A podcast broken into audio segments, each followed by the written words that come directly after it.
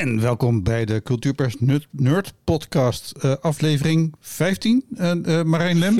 ik denk 14. Ik denk 14. Oké. Okay. 14. Nou, goed, de, de, mensen die het echt bijhouden, de echte nerds onder de luisteraars, die, die, die, kunnen altijd inbellen en zeggen van, nou, dat, dat, het helemaal fout was. Dat we eigenlijk al nummer 16 zitten. Ja. wij houden het dan niet meer bij, maar het is altijd goed om een nummer te noemen ergens. Uh, midden in de zomer, terwijl iedereen eigenlijk op vakantie zou horen te zijn. Maar dat kan allemaal niet omdat iedereen in quarantaine zit. In ieder geval in Tokio, begrijp ik.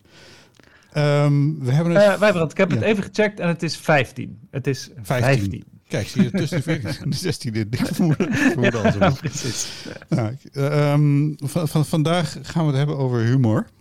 Ja. Um, dus er wordt niet gelachen dat even duidelijk zijn. Um, ik zou ophouden. Ja, ja, sorry. En de, de, de, de, dus, uh, we hebben namelijk te gast. Uh, misschien dat we hem even introduceren.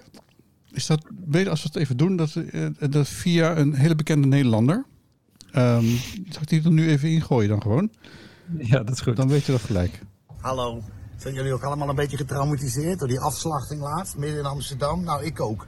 Maar ja, ik heb geen verstand van de maffia. Ik heb een heel klein beetje verstand van kunst. Dus daar wil ik het even over hebben, over kunst. En hoe ideologen de kunst kapot maken. Weet je wel, van die mensen, die saaie mensen, die zelf helemaal niks kunnen, die niet creatief zijn, die geen talent hebben. En die proberen om mensen die wel talent hebben, die wel creatief zijn, voor hun ideologische kaartje te spannen. Dan was er laatst, kreeg minister van Engels over een rapport, over een voorstel om kunst uit universiteiten te bannen. Vooral kunst die microagressie agressie zou kunnen oproepen. Kun je dat voorstellen? Kunst die microagressie oproept, dat zijn studenten die lopen... Ah, Auw, het is van een witte man. Het is kunst van een witte... Hou nou toch op, zeg. Toen stond er een werkelijk bespottelijk artikel in de Volkskrant door ene Dick Zijp. Door Bert Brus inmiddels omgetoverd tot zak mij Dick Zijp. Ik zal hem laten zien. Dick Zijp, humordeskundige. Hier, kijk dan. Kijk dan die genderneutrale kutkop. Ja, want Dick Zijp vond dat er onderhand maar eens een keer een debat moet komen over de humor in Nederland. Want potverdomme, humor houdt bestaande hiërarchieën en machtssystemen in stand. Wat verschrikkelijk. Rechtse mensen hebben in één keer ook humor, die maken ook grapjes. Ja, zeg maar, zo zijn we niet getrouwd. Joep van het Hek gebruikt zomaar een woord wat helemaal niet mag. Hij mag dat woord helemaal niet gebruiken. Waar zijn we mee bezig? Waar zijn we mee bezig? En toen zag ik een reportage. Humordeskundige. Um, Jazeker, ja. Ik, ik, heb zelf theaterwetenschap gestudeerd. Ik, ik, weet ook dat het altijd heel erg vervelend is om aangekondigd te worden als theaterwetenschapper. In een gezelschap van theatermakers. ja, dat is, dat, is, dat is wel waar. Ik, ik, herinner me, nou ja, dat is natuurlijk sowieso een beetje de geesteswetenschappen die een minderwaardigheidscomplex uh, nou ja, aangepraat wordt. Dus ik weet wel vroeger, ik, ik heb theaterwetenschap gestudeerd, maar ook filosofie. En op een gegeven moment op feestjes, dan zei ik toch altijd eerder dat ik filosofie studeerde, omdat ik geen zin had in al die vervelende vragen die je kreeg als, als je zei dat je theaterwetenschap studeerde. Want dan was altijd de vraag, nou ja, eerst natuurlijk wat is dat? Bestaat dat echt? En dan, uh, oh, maar kunst is toch subjectief? en dan, uh, oh, maar wat, wat kun je er dan eigenlijk mee worden? Dus dat, dat soort vragen kreeg je dan altijd. ja. ja. Maar, maar humorwetenschapper is eigenlijk nog veel erger om dat te zeggen. Nou, dat hebben we afgelopen week kunnen zien. Dus in die zin uh, ja, is, is mijn, zijn mijn strategieën om uh, op feestjes leuke gesprekken met mensen te hebben er niet echt beter op geworden. Ja. ja. Want even, even de aanleiding waar, waarom dit allemaal gebeurt. Waarom uh, Hans Theeuwen, die we net hoorden, die ik even gequote heb van zijn Instagram-post, die hij deze week heeft online gezet. En waar ik vervolgens weer vanuit Cultuurpers een bericht over heb gezet. Omdat namelijk hij zijn feiten niet helemaal op orde had. Het, wat hij in het eerdere stukje zegt over minister van Engelshoven die kunst zou willen verbieden, dat is dus gewoon niet waar. Dat de Telegraaf heeft dat verdraaid, die, die feiten. De, uh, nou, het hele verhaal over microagressie enzovoort, dat is een rapport wat is verschenen wat allemaal sociologische termen gebruikt. Het gaat er eigenlijk meer om dat als er in een beeldengalerij van beroemde mensen alleen maar mannen staan, dan zou het best wel eens kunnen voortkomen uit het feit dat de mannen die dat, die beeldengalerij hebben samengesteld, helemaal zijn vergeten dat er ook nog vrouwen waren die misschien die beeldengalerij hadden kunnen plaatsnemen.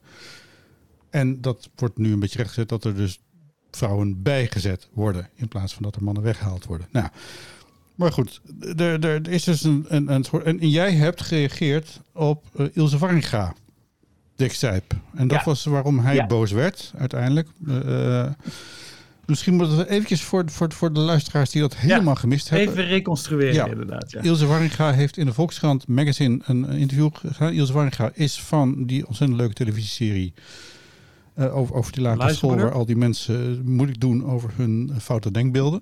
Wat ik Mhm. Dus Ja, eh, de bedoel, voor- luizenmoeder. Ja, de luizenmoeder.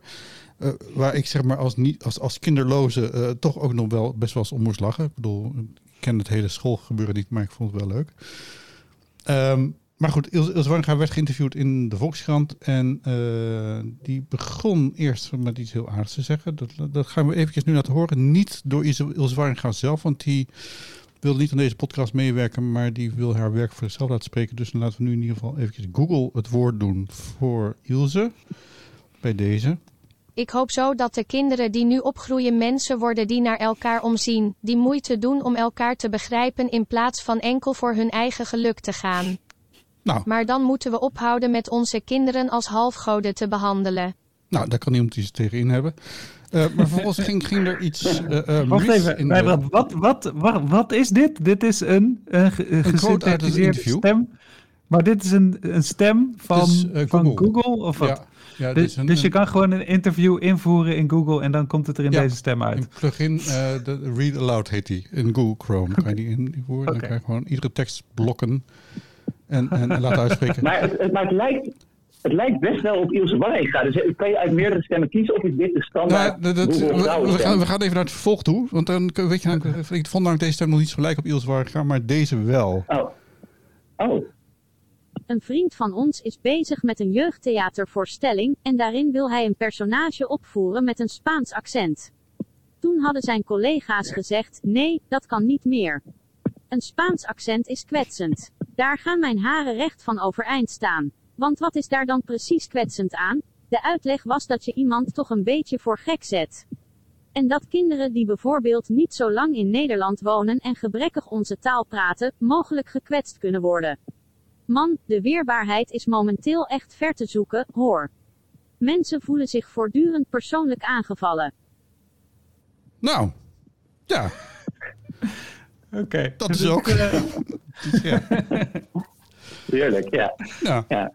Ehm, ehm, ehm, en, en, en toen zei dit, of zei, er komt nog één quote aan trouwens, die, we- die we ook nog wel moeten, moeten bij hebben. Want, want eh, eh, op een gegeven moment ontplofte namelijk de sociale media. Dat zag ik gebeuren, eh, eh, eh, omdat ik kennelijk een heel grote woke vriendenkring heb op social media. Ik zal even deze quote nog laten horen, want die is wel belangrijk om er even bij te hebben. In de culturele sector is diversiteit en inclusiviteit momenteel het grote thema. Natuurlijk moeten we ons bezinnen of we geen blinde vlekken hebben, maar als je zelfs geen accenten meer mag doen, wordt alles eenduidig, vreugdeloos en saai. Humor en woke gaan gewoon niet samen. Humor gaat vaak om spelen met vooroordelen en stereotyperingen, en dat is precies waar de woke-beweging tegen strijdt. Nou, daar trek ik me zo min mogelijk van aan. Beweging is wel, dat is jammer dat Google dat, dat nu er niet heeft gezien dat het beweging is, maar het punt is helder. Eh, woke en humor gaan niet samen. Eh, Dick, en volgens mij is dat een beetje de kern van waar we het nu even over moeten hebben. Ehm, Ja, en ze doet ook nog een aantal, ja, ze doet ook nog een aantal meer specifieke uitspraken over hoe humor werkt, maar die liggen allemaal in het verlengde hiervan. Dus ze Ja. zegt bijvoorbeeld ook dat humor, eh, dat, dat als je een grap over iemand maakt, dat je diegene daarmee dan gelijkwaardig behandelt. Ja. En dan eigenlijk aan alle machtsverhoudingen ja, die heb ik ook nog. of hiërarchische verhoudingen voorbij gaat. Ja, oh, die, die heb ik ook nog, die quote. Die ga ik er nog even ingooien, dan weet je gelijk ongeveer waar we staan. Als je grappen over iemand maakt, betekent dit dat je de ander gelijkwaardig behandelt. En stigmatiseren, vooral lomp stigmatiseren, heeft ook een functie. Daardoor vergroot je dingen uitgaan wie om onszelf lachen, met al onze vooroordelen en onze krampachtige neiging om te doen alsof we die niet hebben. Dat geeft veel meer lucht dan wanneer je alles met vliebelen handschoentjes aanpakt. Nou, dit was Zuid-Afrikaans. Ik weet, niet, ik, ik weet niet of die helemaal verstaanbaar was voor iedereen alleen. Nee, de, de mensen kunnen hem terugluisteren. Nog op, op lager tempo afluisteren. Maar dit was in Zuid-Afrikaans in ieder geval. Dit, dit was even de, de, de quote waar jij op wees, eh, Dick Sijp. ja. Ik Eh, ben blij dat ik hem nog even geparafraseerd heb ook, inderdaad. Ja. Ja. Ja, Ja, het, het, het Afrikaans, de favoriete taal van eh, Martin Bosma van eh, de PVV. Ehm, ja. Dat, dat kwam niet helemaal goed over in, in Google. Maar goed, eh, daar, daar gaan ze vast nog aan werken. Ehm, dus dus nou, de, we hadden het interview van Ilse Waringa. Ik zag op een gegeven moment, zag ik de social media, in ieder geval uh, Facebook en Twitter, redelijk ontploffen. Omdat een aantal mensen zich nou, uh, echt iets hadden van, hoe kan Ilse dit zeggen? Uh, het ging ook nog over de, de, de hen, hun term voor de niet-binair, of de, nou, de, de binair, de, de, de, de, de vrouw-mannen toestand. Dus hij, zij en hen. Daar had ze ook nog het een en ander over te zeggen. Nou goed, daar hebben wij, Martin, uh, uh, Marijn, ook het een en ander in de vorige podcast over, over zitten filosoferen. Maar goed, dit, dit, is, dit is wat er dan gebeurde. Uh, um, en toen klom jij in de pen, Dick. Zijp, humordeskundige. Ja, zeker. Ja. ja. Vertel. Ja, zal ik er wat op zeggen? Ja, ja, ja, ja, nou, kan je ook wel in de Google laten, laten, klikken, maar je bent er zelf bij, dus ik denk dat... Nou, nou precies, ik dacht, ik ben heel benieuwd hoe mijn stem gaat klinken en of ik nu in, uh, in, uh, in, in, in, in hard Duits opeens mijn, mijn eigen quote terugvind, maar, maar goed, dat... terug hoor. Maar nee, nee. Ik, ja, nou, het was eigenlijk zo, ik, ik had eigenlijk vakantie al, al een week, dus ik was heerlijk aan het uitrusten, maar toen zag ik dit interview voorbij komen en toen dacht ik, ach, ik wil, ja, eigenlijk iedere maand, bijna iedere maand, staat er wel een schrijver of een humorist op die uh, geïnterviewd wordt voor de krant. Of die zelf een artikel schrijft en waarin dan weer geroepen wordt, zoals Ilse Wijn gaat het ook verwoorden in die prachtige quotes die we net hoorden. Dat je eigenlijk nergens meer grappen over moet maken, dat we overgevoelig zijn geworden. Uh, en ik, uh, ja, ik had al heel lang het idee van ik moet daar toch eens op reageren vanuit mijn specialisme. omdat ik denk dat dat echt, een, ja, echt heel overdreven is. Mm -hmm. en dat het eigenlijk meer een morele paniek is uh, dan dat er nou werkelijk iets aan de hand is. Um, en toen ik dit zag, dacht ik, ja, god, ik heb daar nooit tijd voor, omdat ik aan een, aan een proefschrift aan het werken ben en, uh, en, en ook nog heel veel les aan het geven ben aan de universiteit. Maar nu uh, ga ik toch even wat terugschrijven. Dus toen heb ik inderdaad een stuk geschreven en de strekking daarvan was, was nou ja, zoals ik net al zei, dat ik denk dat, het, dat, het, dat eigenlijk die voortdurende paniek rondom humor, dat het echt een, echt een morele paniek is. Dus dat het niet daadwerkelijk zo is uh, dat we nergens meer grappen over mogen maken of nergens meer over mogen lachen. Mijn punt is eigenlijk dat dat uh, zo'n vaart niet loopt. Dat er voortdurend nog. Ja, er worden, ja, als, je, ja, als je naar cabaretvoorstellingen gaat of, naar, naar comedy of je zet televisie aan, er worden voortdurend nog stemmetjes gedaan in accenten. En dus het, het valt allemaal wel mee. Um, en um, nou ja, een deel van het punt dat ik maakte in dat stuk was ook dat. Um, dat een aantal van de uitspraken die zij doet over humor, bijvoorbeeld het idee dat als je grappen over de ander maakt, dat je die ander daarmee gelijkwaardig behandelt, dat dat eigenlijk een, een, uh, een uitspraak is die niet helemaal overeenkomt met onderzoek naar, uh, naar humor. Mm. Um, uh, want en het is een heel bekend idee of een heel bekende claim. Het idee, wat ook wel eens gezegd wordt, zo verwoord ik het volgens mij ook in mijn stuk, dat, dat, dat, dat uh, minderheden er pas bij horen als er grappen over gemaakt worden. Dus dat is heel vaak wat er, ja. Ja, wat er gezegd wordt. Van ja, maar dat is juist door met die vooroordelen te spelen, dat je een beetje de spanning uit de, uit de, uit de lucht haalt. En dan, dan wordt het juist weer vrolijk. Nou ja, uh, ja. En, en daar zit zeker wat in. Alleen, uh, ja, het, het, is niet zo dat je op het moment dat je een grap over iemand maakt, diegene per se gelijkwaardig behandelt. Want wat we weten uit onderzoek is dat humor ook uh, machtsverhoudingen juist kan bevestigen. Ja. Uh, en uh, ja, juist als je een wat achtergestelde positie hebt, kan kunnen grappen die uh, stereotypen bevestigen die over, over, een bepaalde groep ja, bestaan. ja, die kunnen juist weer versterkt worden. Dus het. Um, maar, maar wat, wat, voor, sorry, wat, wat voor, Dick, maar wat voor wat, uh, NRC Volkskrant, uh, NRC uh, Theaterkrant, ja, je moet je voorstellen. Die, van, die, die, die, oh ja, ja, ja, ik denk dat de, de luisteraars me ja. misschien wel kennen. Maar uh, Dick, kun je misschien iets vertellen? Want je zegt van uit onderzoek, blijk, uit, onderzoek in jouw vakgebied blijkt ook dat het niet klopt. Dat, dat die humor zeg maar inclusief werkt. Dat, dat humor dan daadwerkelijk werkt als, als gelijkschakelaar in de maatschappij. Kun je iets vertellen over dat onderzoek waaruit dat blijkt dat dat niet zo is? Ja, zeker. Ja. Nou, er zijn allerlei verschillende onderzoeken. Dus bijvoorbeeld uh, veel onderzoek gedaan naar hoe humor in organisaties werkt. En wat we daaruit weten uh, is dat er vaker omlaag getrapt wordt dan omhoog getrapt. Dat is zo'n onderscheid dat ook vaak gebruikt wordt als het over humor gaat. Uh, punching up en punching down. Dus je maakt een grap over een, een hoger geplaatste of juist over een lager geplaatste. Uh, en um, de consensus is een beetje, uh, en dat was bijvoorbeeld ook iets wat Katinka Polderman, de, de cabaretier op Twitter schreef, uh, naar aanleiding van mijn stuk, van ja, humor, humoristen trappen eigenlijk altijd omhoog. Want ja, omlaag trappen, dat is gewoon niet grappig. Ja, en dat is eigenlijk niet zo. En als we kijken naar bijvoorbeeld het onderzoek naar hoe humor, in organisaties gebruikt wordt, dan, dan zien we dat humor toch meestal de machtsverhoudingen volgt. En dat, er eerder, dat er eerder grappen gemaakt worden over ehm, mensen die minder macht hebben, dan over mensen die meer macht hebben. Maar is, is, is er niet uh, ook binnen, binnen organisaties dan juist niet het verschil? Ik heb niet heel veel in organisaties gewerkt en die paar keer dat ik het gedaan heb, heb ik er enorm spijt van.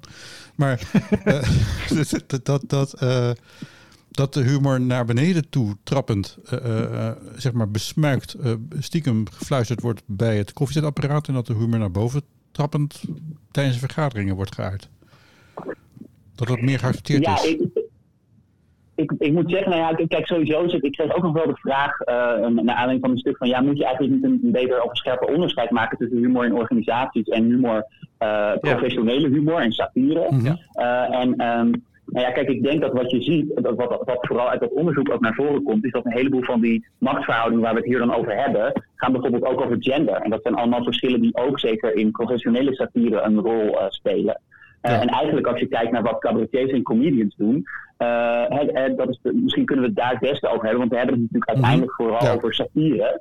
Uh, en, en, en over professionele humor en cabaret en comedy en, en niet zozeer over die organisaties. Mm -hmm. Maar we weten dus wel bijvoorbeeld dat ook als het om gender gaat, dat er, ja, dat er, dat er, dat er ook vaker grappen ten koste van vrouwen gemaakt worden dan, dan, dan andersom. Ja. En dat is iets wat je in het cabaret, cabaret en stand-up comedy ook ziet gebeuren. Hè. Er zijn een heleboel man, mannelijke cabaretiers die heel veel grappen over uh, vrouwen maken. Denk aan Theo Maas, denk aan Hans Theeuwen. Mm -hmm. um, en natuurlijk wordt er ook omhoog getrapt. Hè, dus er worden ook grappen over de machthebbers gemaakt.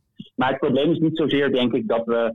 Uh, het, het, het, voornaamste probleem wat ik, wat ik zie als ik kijk naar hoe er over humor gesproken wordt in de publieke sfeer, is eigenlijk dat het beeld heel erg eenzijdig is. Dus we doen vaak alsof er eigenlijk alleen maar naar boven getrapt wordt. Nee, maar humor verzet zich juist altijd tegen de macht. En mijn punt is eigenlijk, nee, dat, dat is niet zo. Het, uh, um, humor kan zeker ook omlaag trappen en kan ook de machtsverhoudingen volgen. Dat gebeurt allebei. Ja. Maar dat is iets wat we niet, nog niet zo graag onder ogen willen zien. Nee, ik, en een ander want, onderzoek dat er. Oh, ja? Ja, ik moet even denken aan, aan, aan mijn, mijn, mijn theaterwetenschappelijke opleiding, heel erg lang geleden. Maar uh, Aristophanes, uh, de, de, de, de, de king of comedy qua oude Grieken, zeg maar, de, de eerste die comedy schreef, mm -hmm. volgens mij in de, in, de, in de geschiedenis van de westerse wereld, was enorm rechts. Ja.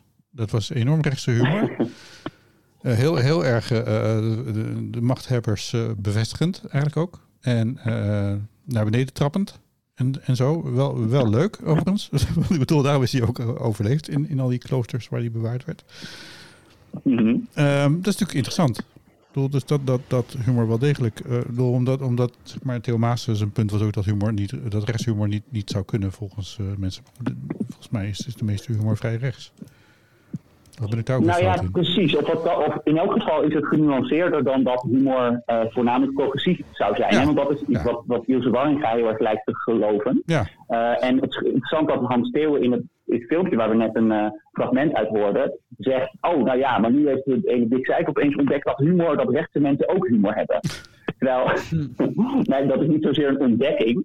Uh, of tenminste, uh, het is niet iets wat mij heel erg verbaast, maar wel iets wat uh, ja, veel mensen, als ik over mijn onderzoek vertel, wel verbaast. Dus het is niet iets wat ik nu opeens ontdekt heb, maar het is wel iets wat ik al, uh, ja, waar ik al tien jaar lang onderzoek naar doe en waar ik steeds, dat ik steeds meer ben gaan zien. Van oké, ook ik doe onderzoek naar, naar cabaret voornamelijk en humor in cabaret. En dat heeft heel erg nog steeds de naam van dat het heel progressief is en heel links. En uh, ja, als je teruggaat in de cabaretgeschiedenis en je gaat kijken van wat voor humor er nou eigenlijk gemaakt wordt, ja, dan zie je dat het iets genuanceerder is. Dus dat er ook best wel veel uh, ja, vrij gewoon liberale, centristisch liberale humor is. Of zelfs een beetje naar conservatieve neigende humor, waarvan Theo zelf denk ik een goed voorbeeld is in elk geval zijn recente werk. Hm. Ja. ja. Hans, ja. Ja, uh, ja een, onderzoek wat, wat, ook nog wel, uh, wat ook nog wel in dit verband wel interessant is om te, om te noemen. ja, het, meeste onderzoek wat er is, dat moet ik er wel bij zeggen. Er, er is gewoon helaas niet zo heel erg veel cultuurwetenschappelijk onderzoek naar humor gedaan. Dus er is heel veel psychologisch, sociaal-psychologisch onderzoek, ook linguïstisch onderzoek trouwens. Maar een interessant sociaal-psychologisch onderzoek is nog wel een onderzoek, eigenlijk inmiddels een hele onderzoeklijn eigenlijk. waaruit naar voren komt dat het niet alleen zo is dat humor de machtsverhoudingen vaak volgt. Maar dat humor daarin ook een sterker effect kan hebben dan niet-humoristische serieuze uitingen. Dus uh, in uh, groot sociaal-psychologisch onderzoek dat is gedaan, is gekeken naar um, uh, eigenlijk naar kan humor racisme of seksisme versterken. Mhm. En dan gingen ze mensen in een experiment dus allerlei racistische of seksistische grapjes laten voorleggen. En dan keken ze daarna of degenen die die grapjes gelezen hadden ook vatbaar waren voor uh, racisme of seksisme. Oh ja. uh, als het bijvoorbeeld ging om beslissingen die ze moesten nemen als het, uh, op, op de werkvloer bijvoorbeeld. En toen bleek dat mensen die zelf al racistische of seksistische denkbeelden hadden, zich door die racistische en seksistische humor, door de blootstelling daaraan, vrijer voelden om hun racisme of hun seksisme of ja. hun, om dat te uiten. Um, terwijl de, de controlegroep die niet, niet humoristische, racistische of seksistische betogen las, daarvoor gold dat niet. Dus daarin zie je ook dat humor, uh, dat, dat heel interessant aan dat onderzoek is dus eigenlijk dat dat heeft laten zien dat humor uh, in vergelijking vaak ook een sterker effect kan hebben als het bijvoorbeeld om uh, het bestendigen van machtsstructuren gaat en het acceptabeler maken van bijvoorbeeld racisme of seksisme dan niet-humoristische uitingen. En ik denk dat dat heel erg te maken heeft ook met het feit, ja, je kunt daar ook heel precieze sociaal-psychologische verklaringen voor bieden, maar ik zou als cultuurwetenschapper zeggen dat dat er ook zeker mee te maken heeft uh, dat uh, humor als heel erg onschuldig wordt gezien, als juist een tegenmacht wordt gezien. Dus het is ook, hè, humor werkt retorisch heel erg, uh, ja, is een heel goede retorische strategie, omdat we altijd humor het voordeel van de twijfel geven. Ja. Ja. ja, en misschien inderdaad, juist omdat humor uh, in, en zeker in zo'n intieme setting als een cabaretzaal, maar ook als je kijkt naar geen stijl, vanuit zichzelf het idee heeft van we moeten ergens tegenaan schoppen en daarmee dus al een, uh, een positie heeft van wij zijn de underdog, want wij stellen de bestaande situatie aan de kaak door, door met humor ernaar te kijken. En jullie zijn het daar toch allemaal mee eens. En daarmee dat het dus ook als je met z'n allen ergens over aan het lachen hebt, over, bent over de absurditeit van iets, dat dat denk ik inderdaad een soort van uh, uh, mechanisme in zich draagt, waardoor je eigenlijk zegt, ja, hier zijn we het met z'n allen over eens. Laten we hier eens flink over lachen. Ik denk dat dat misschien wel een verklaring is ook voor het onderzoek dat je, de, de resultaten van het onderzoek dat je net noemt. Ja, dat, dat denk ik ook, ja. En ja, ja, dat en toch ook. Nee, even de lijn van gedachten kwijt. Weet ik niet meer. Nee, nee, ja. Oh, sorry. Maar ik, ja, ik denk dat je gelijk hebt daarin. Ja. Ik, ik vroeg me wel af, Dick, ook om een beetje toch uh, uh, de andere kant van de zaak te bekijken. Jij zei net van, uh, je had het net over die morele paniek. En ik vroeg me af of je dat begrip nog een beetje meer kon duiden. Want het, de associatie die ik heb met morele paniek is bijvoorbeeld dat er in de jaren negentig mensen zich zorgen maakten over of videogames wel gewelddadige videogames een invloed hadden op, op gewelddadig gedrag in de, in, in, de echte wereld. En daarvoor in de jaren tachtig, met name in Groot-Brittannië, dat er heel veel morele paniek was over horrorfilms die, die toen om zich heen grepen. En daarvoor weer over comics. Dus eigenlijk over media waarvan ze denken, waarvan een generatie denkt dat het de jeugd verpest. maar jij, gebruik, jij gebruikt nu morele paniek ook in deze context als iets van. Um, uh, waardoor uh, mensen zeggen van er wordt iets van ons afgepakt. Ja. Dus dat lijkt een ander mechanisme. Ja, maar volgens mij dat is ook wel even waar ik nog even op wil inhaken. Mm -hmm. uh, bijvoorbeeld alleen al omdat ik mijn stukje uh, op, op cultuurpers uh, een, aantal, een boze reactie kreeg van het feit dat ik de, de, de woede op, op het stukje van Dick en mm -hmm. op het stukje van, van, van de minister toeschreef aan vooral mannen. Mm -hmm. Dat, dat valt me namelijk op, maar dat komt misschien omdat ik een timeline heb die vooral uit mannen bestaat. Dus dat zou mijn fout kunnen zijn. Ja. Maar dat is dus onder, uh, onder mannen, en dan heb ik het niet eens over witte mannen, uh, maar wel mannen van zekere leeftijd, de, de, de petrolheads, de dingen enzovoort, die, die, die heel erg sterk tegen vernieuwingsbewegingen kunnen als die zeg maar een, een, een, een, een over andere dingen gaan dan waar zij al die tijd zeg maar in hebben geleefd. Dus hmm. het gaat om elektrische auto's, als het gaat om uh, uh, opeens geen grap meer over, over zwarte mensen te mogen maken. Mm. alles waar ze, waar, waar, ze gelukkig in worden, dat, die morele paniek is volgens mij ook iets waar jij eerder op duidt, Dick. Is, is dat, heb ik dat correct?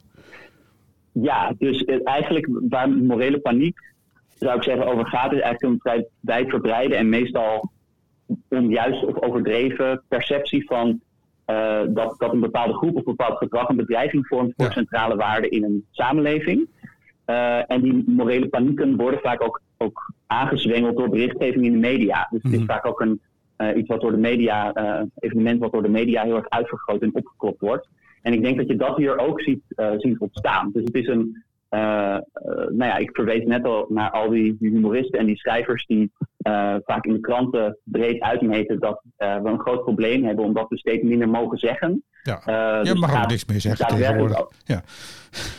Precies, dus het gaat daadwerkelijk over een, ook een, ja, het is ook een paniek die moreel van aard is. Want het is het idee van, oh jee, we zijn, ons centrale waarden van in onze samenleving worden bedreigd. En humor wordt steeds meer gezien. Eigenlijk, dat is heel interessant denk ik aan humor. Dat, dat humor steeds meer symbool is komen te staan voor de vrijheid van meningsuiting. En daarmee Ja. is humor iets heel groots. eh krijgt humor iets heel beladends. Eh, het is heel erg ja, verknoopt geraakt met de, de, de culture wars. Hè? Dus met alle, Ja. eh, allerlei identiteitskwesties waar heel heftig over gedebatteerd wordt. Dus als je aan humor komt, dan kom je volgens heel veel mensen aan de vrijheid van meningsuiting. En daarom ontstaat er het gevoel dat op het moment dat een bepaalde groep zegt: Ik vind het niet zo leuk als je hier grapjes over maakt. Of eh, iemand zegt: Ja, ik vind het problematisch, want je bent hier bezig met het bevestigen van eh, machtsverhoudingen. Eh, ja, dan, dan ontstaat er dus heel veel paniek. Omdat het idee is van: Oh, maar dan torn je dus aan de vrijheid van meningsuiting. En dat is heel gevaarlijk, want we leven juist in een vrije en open samenleving waarin, eh waar humor zo ontzettend belangrijk is. Ja. Is, is het niet ook zo, want ik, ik weet het dan vooral aan de opkomst van sociale media, dat, dat, dat zeg maar de mensen die eerst wijselijk hun mond hielden en, en zeg maar even niet meelachten in een volle zaal in, in de kleine komedie, eh, nu Twitter hè, ter beschikking hebben om op een gegeven moment te zeggen van nou, ik vond een kutgrap. Of Ja. ik, ik hou er niet van als je, als je dit soort dingen zegt. Ja, en, en, dat dat opeens natuurlijk voor mensen die eigenlijk anders nooit tegenspraak kregen, want, want hey, het was lachen en laten we het feest niet bederven. Ehm, dat dat ook een beetje een soort, soort shock-effect is. Dat dat eh, zeg maar op het medium waar ze zelf lang, lang op een gegeven moment hegemonie hadden ook. Dat er opeens Ja, ook mensen absoluut. komen die daar iets terug beginnen te zeggen. Het is niet gewoon ook een tijdelijk Ja. iets. Denk ik soms. Ja, ik denk zeker dat het met inderdaad die opkomst van eh, sociale media eh, te maken heeft. Ja, dat allerlei groepen die vroeger, nou ja, in elk geval minder zichtbaar waren in de mainstream ook. En ik denk daarin dat je ook wel een verband kunt, of, of een vergelijking kunt maken met de strijd om Zwarte Piet. Die eigenlijk ook al decennia teruggaat. En, Ja. eh, eh, maar Wij, wij, hadden daar in toen, eh, 1966 al discussie over. We woonden naast het Molukkerkamp in, eh, hoe heet het, in, in Capelle en IJssel. En toen vonden we het Nou, eigenlijk wel heel raar om, om, om, om, om, zwart, om het over Zwarte Piet te hebben. Maar dat is misschien wat wel, dat ik wel erg woke ben opgevoed. Maar eh, dat, dat, Ja. was, dat was wel 50 jaar geleden, eh, bij wijze van spreken. hopeloos woke opgevoed. Wij dan. Ja, sorry. ja, dat Ja. is echt. Nee, maar dat is, ik, ik denk dat dat wel, eh, dat, dat, dat, wel vergelijkbaar is. En nou, wat ook wel interessant was, is dat ik. ehm, er is ook een stuk over mij geschreven door, door Arthur van Amerongen.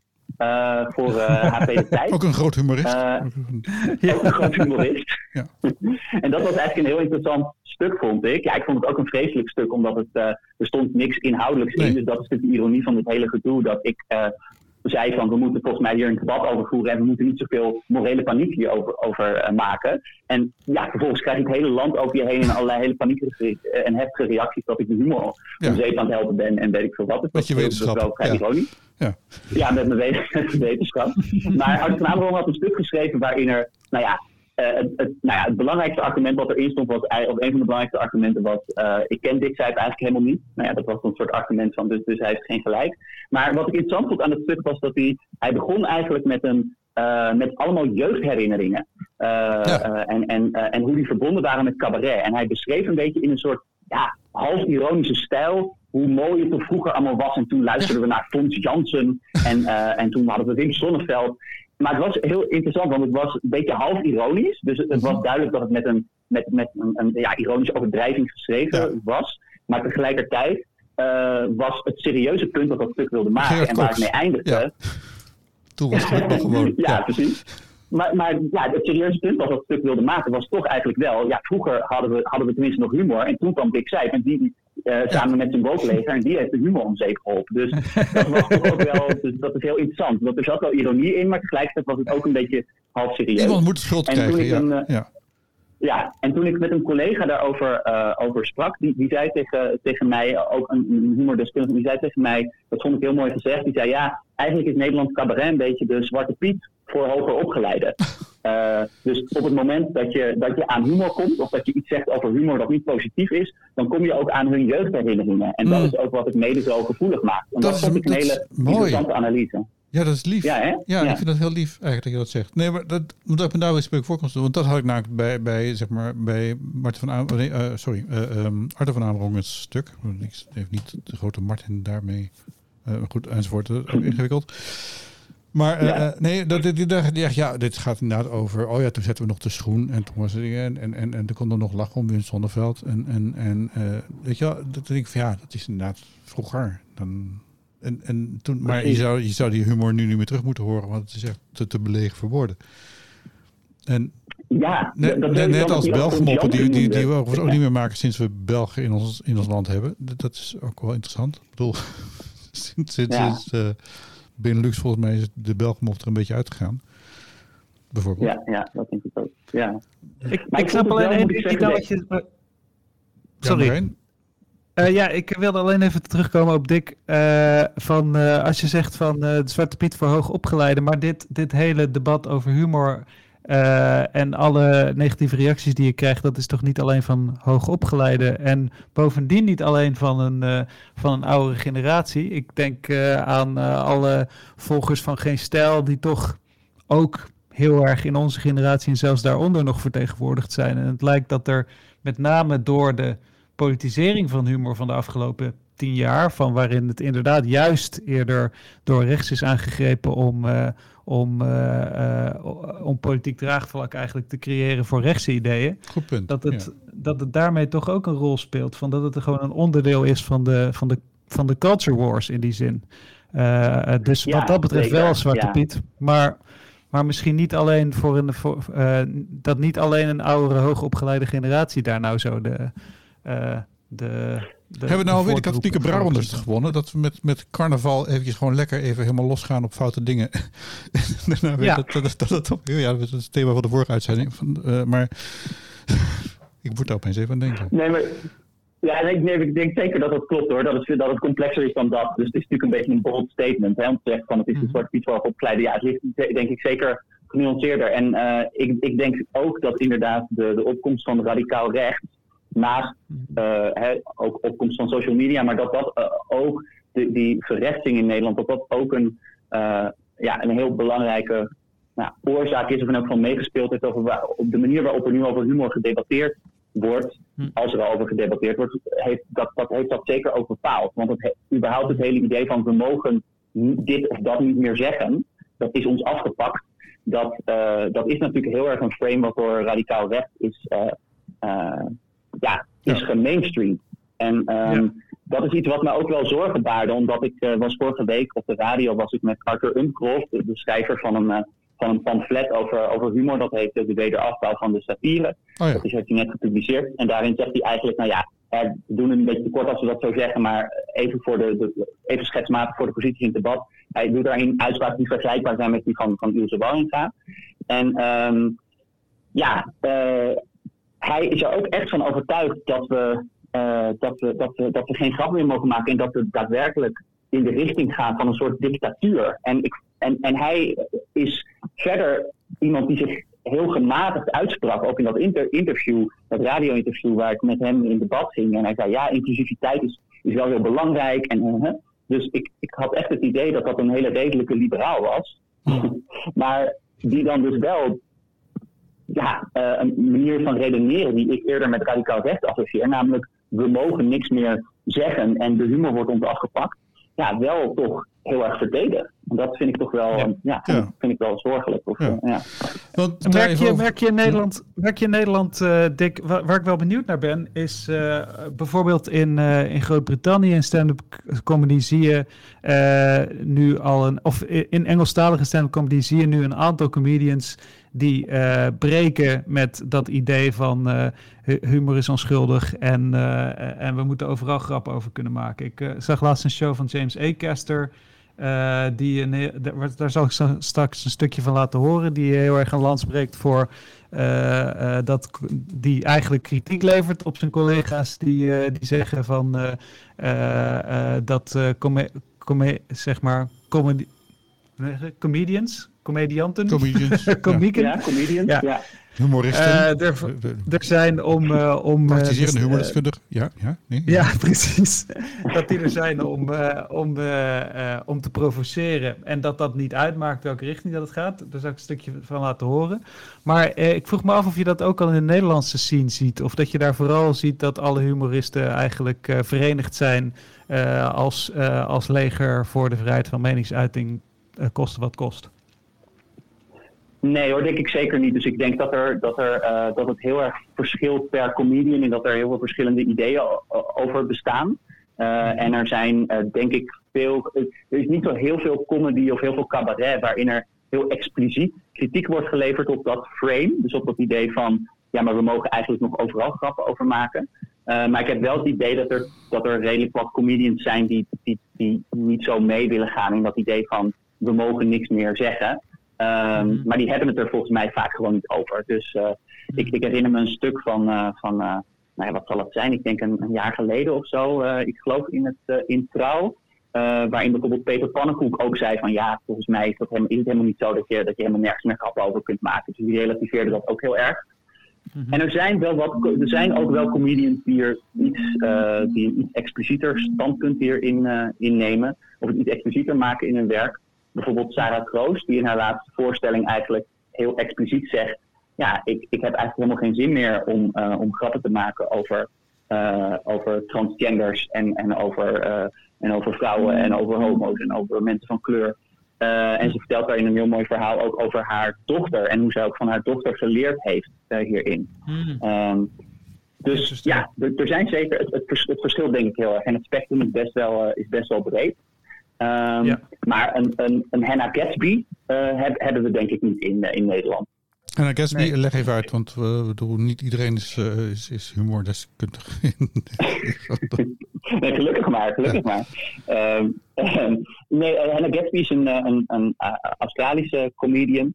Eh, en zij heeft een aantal jaar geleden is zij, eh, eh, is zij doorgebroken met een, een, een Netflix special, Nanette. ja, eh, waarin zij heel expliciet kritiek leverde op, ehm, nou ja, eigenlijk eh, wat ze in het Engels dan self-deprecating comedy noemen. Hè? Dus comedy waarin je alleen maar bezig bent jezelf omlaag te halen. En zij zei eigenlijk, ja, ik ben een vrouw, ik ben queer. ehm, ik ben altijd bezig geweest met grappen ten koste van mezelf maken. Maar ik ben daar klaar mee, ik ga dat niet meer doen. Eh, want eh, ik heb daarmee alleen maar mijn eigen trauma in stand gehouden. Hmm. En dat was een hele, ja, een hele mooie voorstelling. Hem niet gezien heeft, zou ik zeggen. ja, ik heb hem gezien. Kijk op maar- Netflix. Ja, zeker de moeite waard. Ja. Ja. Eh, ik, eh, ik had ook nog een voorbeeld van dat ik laatst zelf heb gezien eh, van Remco Vrijdag en Rutger de Bekker. Die waren vroeger twee van de leden van de Vliegende Panthers. en die staan nu op de parade met een show met z'n tweeën. waarin ze ook veel van hun oude materiaal herbekijken. En er zit één scène in waarin eh, eh, ik denk vrijdag eh, de, zichzelf speelt en de Bekker hem dan aanspreekt als een fan van het, van het werk van, van de Vliegende Panthers van destijds. Waar toen best veel zeg maar scènes in, in zaten die, je- die nu minder makkelijk door de beugel zou kunnen. Zoals Dikke Dik voorlezen met een heel erg Surinaams accent. En eh, eh, die fan die spreekt eh, vrijdag dan aan als wat tof dat jullie toen die grappen maakten. En, en eh, het gaat al die scènes dan nadoen en gaat dan tegen vrijdag zeggen. En ik ben het helemaal met jullie eens dat alle buitenlanders eigenlijk op zouden moeten rotten. Weet je wel? Dus daar spreken ze heel erg de draak met dat ze toen die grap hebben gemaakt en natuurlijk helemaal niet daarmee de bedoeling hadden om, eh, om te zeggen dat, eh, dat Surinamers tweede, tweede rangs burgers zijn. maar dat dat wel door een deel van hun publiek zo is opgepikt. Uh, en dat dat eigenlijk precies dat proces is dat jij net omschrijft in dat onderzoek, Dick. Van, uh, dat door het, dat je daar met z'n allen om aan het lachen bent, dat een deel van het publiek dan wellicht de ironische dubbele laag oppikt, maar een deel van het publiek ook niet. En daarmee stelde ze, stelde ja. zichzelf eigenlijk de vraag van hoe moet je daar als comedian nu mee omgaan? Dus dat vond ik wel heel sterk aan. Ja. Ik, moet, ik moet daarbij ook nog even denken, en, want daar hebben we het natuurlijk helemaal niet over gehad, uh, Dick. Maar uh, volgens mij uh, kreeg jij een shitload van ellende over je heen toen je door ehm, onze grote vrienden van Geen Stijl getarget ja. werd om, om, om als, als, als, als, ja. als, als, als, als, iemand op wie zij hun humor konden loslaten. Ehm, ja. Kan je daar iets over vertellen? We hoeven niet al te veel in slachtoffergedrag te doen, maar, maar wat krijg je dan over je heen als je het opneemt? Als je, als je, als je jezelf profileert en jezelf identificeert als humordeskundige en, in, in, en het niet eens bent met Ilse Warga? ja, nou, het, was heel, het was sowieso het was heel dubbel. Uh, want aan de ene kant, uh, mijn narcistische kant vond het wel leuk om even zo de talk of the town te zijn. Maar tegelijk is het ook heel heftig wat je dan allemaal over je, over je heen krijgt. Maar, maar ook wel weer interessant om alle dynamieken die je al jarenlang bestudeert, dan opeens aan het werk te kunnen zien. Hmm. Dus iets wat er gebeurde was bijvoorbeeld dat ik, nou ja, ik kreeg dus heel veel trollen op Twitter achter me aan. Dus ik heb een paar dagen lang dat ik, en na Hans Speel heb ik niet eens meer gekeken, want ik heb een aantal dagen geleden heb ik een vriendin gevraagd om mijn wachtwoord te veranderen, zodat ik ook echt even niet meer op kan en gewoon uh, na de vakantie er weer op te gaan. Uh, want op een gegeven moment, ja, ik, ik kon het gewoon niet meer uitzetten. Ik raakte ook een beetje verslaafd aan uh, aan mezelf om, om te zien hoe ik de hele dag uitgescholden werd. Mm. een beetje daar een masochistische dynamiek is. Maar ja, dan ga je ja. toch zitten, zitten lezen. En ja. Het was dus een beetje dubbel, maar, maar hoe het er gewoon feitelijk uitziet, is dat je de hele dag uh, door, uh, in elk geval voor een paar dagen lang was het zo, dat er iedere vijf minuten weer mensen waren die ja, met allerlei hele rechte teksten kwamen en, en, en aan het, een beetje aan het uitschelden waren. En, en heel erg ad hominem allemaal. Maar later ook op Facebook en op Instagram, overal wisten ze hem wel, wel te vinden. Um, en wat ik interessant vond was dat, uh, ja, nou wat ik zei, je ziet een aantal van die dynamieken waar ik al heel lang op onderzoek naar doe, zie je dan zo naar boven komen. Mm -hmm. Dus een van de dingen is dat, ja, ik, ik denk, wat me nu weer opviel is dat uh, toen ik al die reacties zo kreeg te verwerken, was dat humor is echt, uh, ja, heeft een bijna heilige status gekregen. Uh, en, en dat betekent dus dat als je aan humor komt, dat je, uh, dat je, dat je onmiddellijk verketterd moet worden. Um, en het, eigenlijk het ergste wat je kan overkomen is dat je zelf uh, geen humor hebt. Want humor is een heel erg gewaardeerde eigenschap tegenwoordig. Dat is niet altijd zo geweest. Maar ja, als je nu tegenwoordig zegt over iemand dat hij geen gevoel voor humor heeft, is dat een heel grote belediging. En dat is ook wat er voortdurend tegen, tegen mij gezegd werd. Dus het, ging voortdurend over de humorloze wetenschapper en uh, ja, uh, dat, dat ik geen gevoel voor humor uh, zou hebben. Mm -hmm. um, en dat is denk ik heel. Dat was, vond ik een hele typische reactie, omdat het laat zien hoe ontzettend we humor heilig verklaard hebben. omdat ik volgens mij in mijn stuk helemaal niet, voor de Volkskrant helemaal niet zeg dat we nergens meer grappen over zouden mogen maken nee. of dat humor niet zou mogen. Maar mensen zagen het echt als een radicale aanval op de humor. Um, dus dat vond ik heel interessant. Uh, en wat ik heel veel zag gebeuren, uh, was dat mensen nou ja, gewoonweg ontkenden dat er, dat er ook maar iets negatiefs uh, of problematisch aan humor zou kunnen zitten. Mm. dus, dus mensen brachten heel vaak als verdediging in van. Ja, maar, maar ja, deze persoon zegt dat humor machtsverhouding kan bevestigen, maar humor keert zich juist altijd tegen de macht en het is rebels. En, en het haalt de spanning uit de lucht. en het, dus überhaupt het idee dat uh, humor misschien ook uh, negatieve kanten kan hebben. Dat lijkt bij heel veel mensen al zo ontzettend buiten hun ja, denkkader te vallen. Uh, dat het heel heftige reacties oproept. Als humoristisch bedoeld zijn waarschijnlijk, toch? Of is dat... Ben ik nu te, te verdedigend voor die mensen? Wat, wat zei je? Dat, nou, dat, dat, dat, dat, dat, dan, dat, op het moment dat ze keihard op jou inhakken, dat ze dan zeggen, ja, maar het is humor. Uh, nee. oh, dat ze dat als verdediging... als, je dan, als, je, als, je, als, jij dan, als jij dan laat weten dat je gekwetst bent, dat ze dan zeggen, ja, maar je kan niet tegen een grapje. Ja, dat is, uh, dat is ook iets waar ik in, in, mijn, in dat opiniestuk voor de Volkskrant uh, verwijs ik ook naar het onderzoek van Gieselinde Kuipers. En zij heeft een aantal jaar geleden een heel mooi stuk geschreven over de Mohammed-cartoons. En eigenlijk het, de clash tussen uh, ja, moslimgemeenschappen en uh, westerse liberalen eh, die er ontstond naar aanleiding van die, van die Mohammed-cartoons. En zij heeft een mooi stuk geschreven waarin ze zegt: Ja, we hebben het altijd als we het over die Mohammed-cartoons hebben, over de vrijheid van meningsuiting. Maar het is eigenlijk het eerste eh, internationale humorschandaal geweest. En het is heel interessant om te kijken van wat voor soort ideeën over humor uh, in dit debat naar voren zijn, uh, zijn gekomen.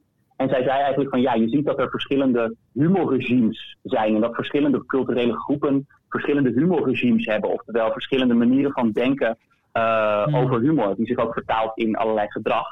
En zij zei ja, wat je zag gebeuren is dat voortdurend moslims die aanstoot namen aan die Mohammed-cartoons, dat er inderdaad gezegd werd, ja, jullie kunnen niet tegen een grapje, jullie hebben geen gevoel voor humor, uh, ook natuurlijk, jullie zijn niet westers genoeg en jullie zijn niet verlicht genoeg. Maar dat is een dynamiek en zij, zij noemden dat, uh, dat, dat humorregime wat in, in uh, westerse liberale democratieën ja, geldt, noemden zij het, liberale humorregime. En ze zegt, ja, dat liberale humorregime, dat zegt eigenlijk iedereen moet over iedereen grappen kunnen maken. Want humor is een uitdrukking van gelijkheid. En op het moment dat je zegt dat je, niet, dat je iets niet grappig vindt, dan zal je tegen je gezegd worden dat je tegen een grapje moet kunnen, dat je meer incasseringsvermogen moet tonen. Um, en, en dus inderdaad dat je geen gevoel voor humor hebt. En ik vond het dus heel interessant om te zien dat dat ja, het voornaamste argument was, de voornaamste reactie was die ik ook kreeg. Ja. Uh, en wat je ook zag, is dat iedereen die op mijn stuk ging reageren in de krantenkolommen, dat ook heel tong en cheek en ook inderdaad met humor deed. Ja. dus het, het, er wordt eigenlijk, uh, werd, er voortdurend, werd ik voortdurend terecht gewezen uh, dat ik überhaupt op een serieuze manier iets wilde zeggen over humor. En dat ik dat niet ja. met humor gedaan had. Ja, ja. foei. Ja, grappig. Dik. Ja. Hey, we zitten op 46 minuten. Ik zou nog, we zouden hier nog het... heel erg lang over door kunnen praten. Want bijvoorbeeld, ik, ik, ik, ik, heb, ik heb me ook een tijdje verdiept in Arabische humor. En die is dus echt kei en mm. kei en keihard. En ten koste van mensen. Dat vind ik toch wel grappig.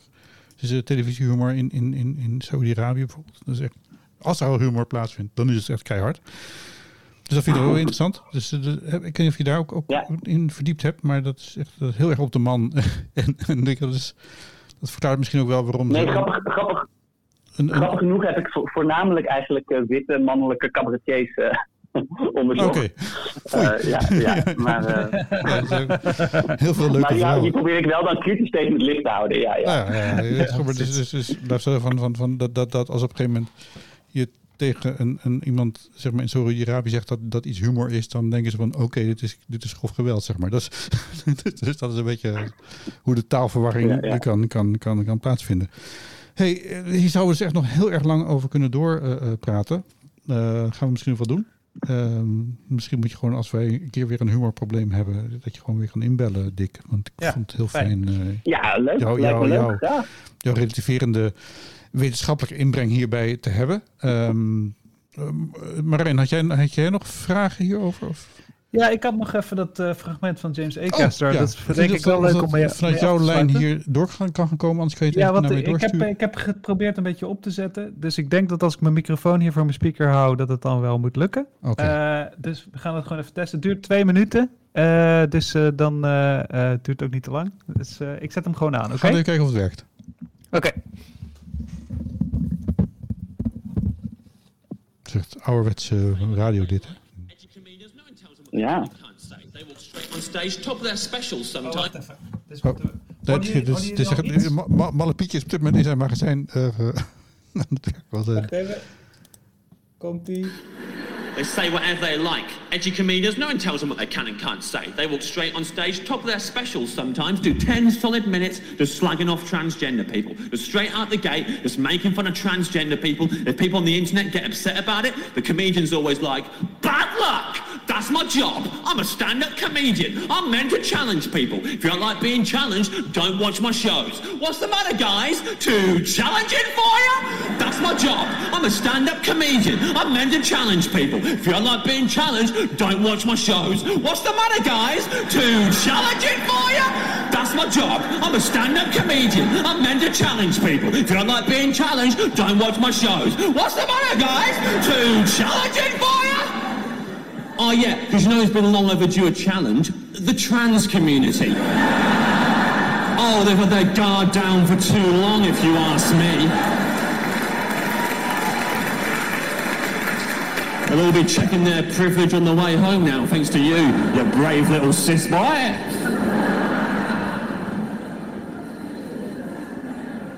I used to name one of the comedians that was about in that routine, but it always got really awkward in the room. So apparently, it's 2019, most people still more than happy to laugh at transgender people, not as comfortable laughing at Ricky Gervais yet, I've discovered. That's the line. Night after night. Fuck off! Leave Ricky alone! Oh, this is classic liberal bullshit! Oh, what? I can't make fun of transgender people anymore, but it's fine for you to gang up on Ricky Gervais, is it? I thought liberals are meant to treat everyone the same. Nope. Uh, no, actually. Not meant to treat everyone the same. We haven't got equality yet. Can't go around treating everyone the same before you've got equality. What, you go past the school, see a bully, punch another kid in the face, you get out your car, go up to the bully. You make me sick, and just for balance, you're a piece of shit as well. That was even-handed. I'm a good person. I treat everyone the same. Ja, Dat was hem. nou, dat was is ook het, een hele goede was het high note verstaanbaar? om, eh, om, om te uiten. Eh. ik, ga, ik, ga, ik ga even het laatste, eh, een volgend verzoek om, eh, want, want er, was, er was een comedian eh, die al heel lang aan de weg timmert, eh Rogier Kalman, die zich afvroeg waar in godsnaam cultuurpers van kon bestaan. Want hij vond, ons, hij vond de site er enorm uitzien als iets wat heel veel subsidie nodig had. Ehm, nou, wij krijgen geen subsidie, is dan even erbij zeggen. Ehm, Met dank hebben- aan de heer Theo uiteraard. Hè? eh, Ja. nou ja, Theo- krijgt ook geen subsidie, geloof ik. Niet, niet meer, maar misschien. Nou, eh, nou, whatever, maakt toch niet uit. Eh, even een klein verzoek om subsidie en dan gaan we eruit. En ik dank eh, Dick Sijp en eh, Marijn Lems heel hartelijk voor dit eh, buitengewoon serieuze, nuttige, belangrijke wetenschappelijke kleine uurtje. Ben jij Dank, ik heb blij eh, met erg deze gelachen met jullie. Dankjewel. Laat het dan merken met een kleine donatie. Kijk op www.cultureelpersbureau.nl slash doneren en maak ons gelukkig. Dus www.cultureelpersbureau.nl schuine streep doneren.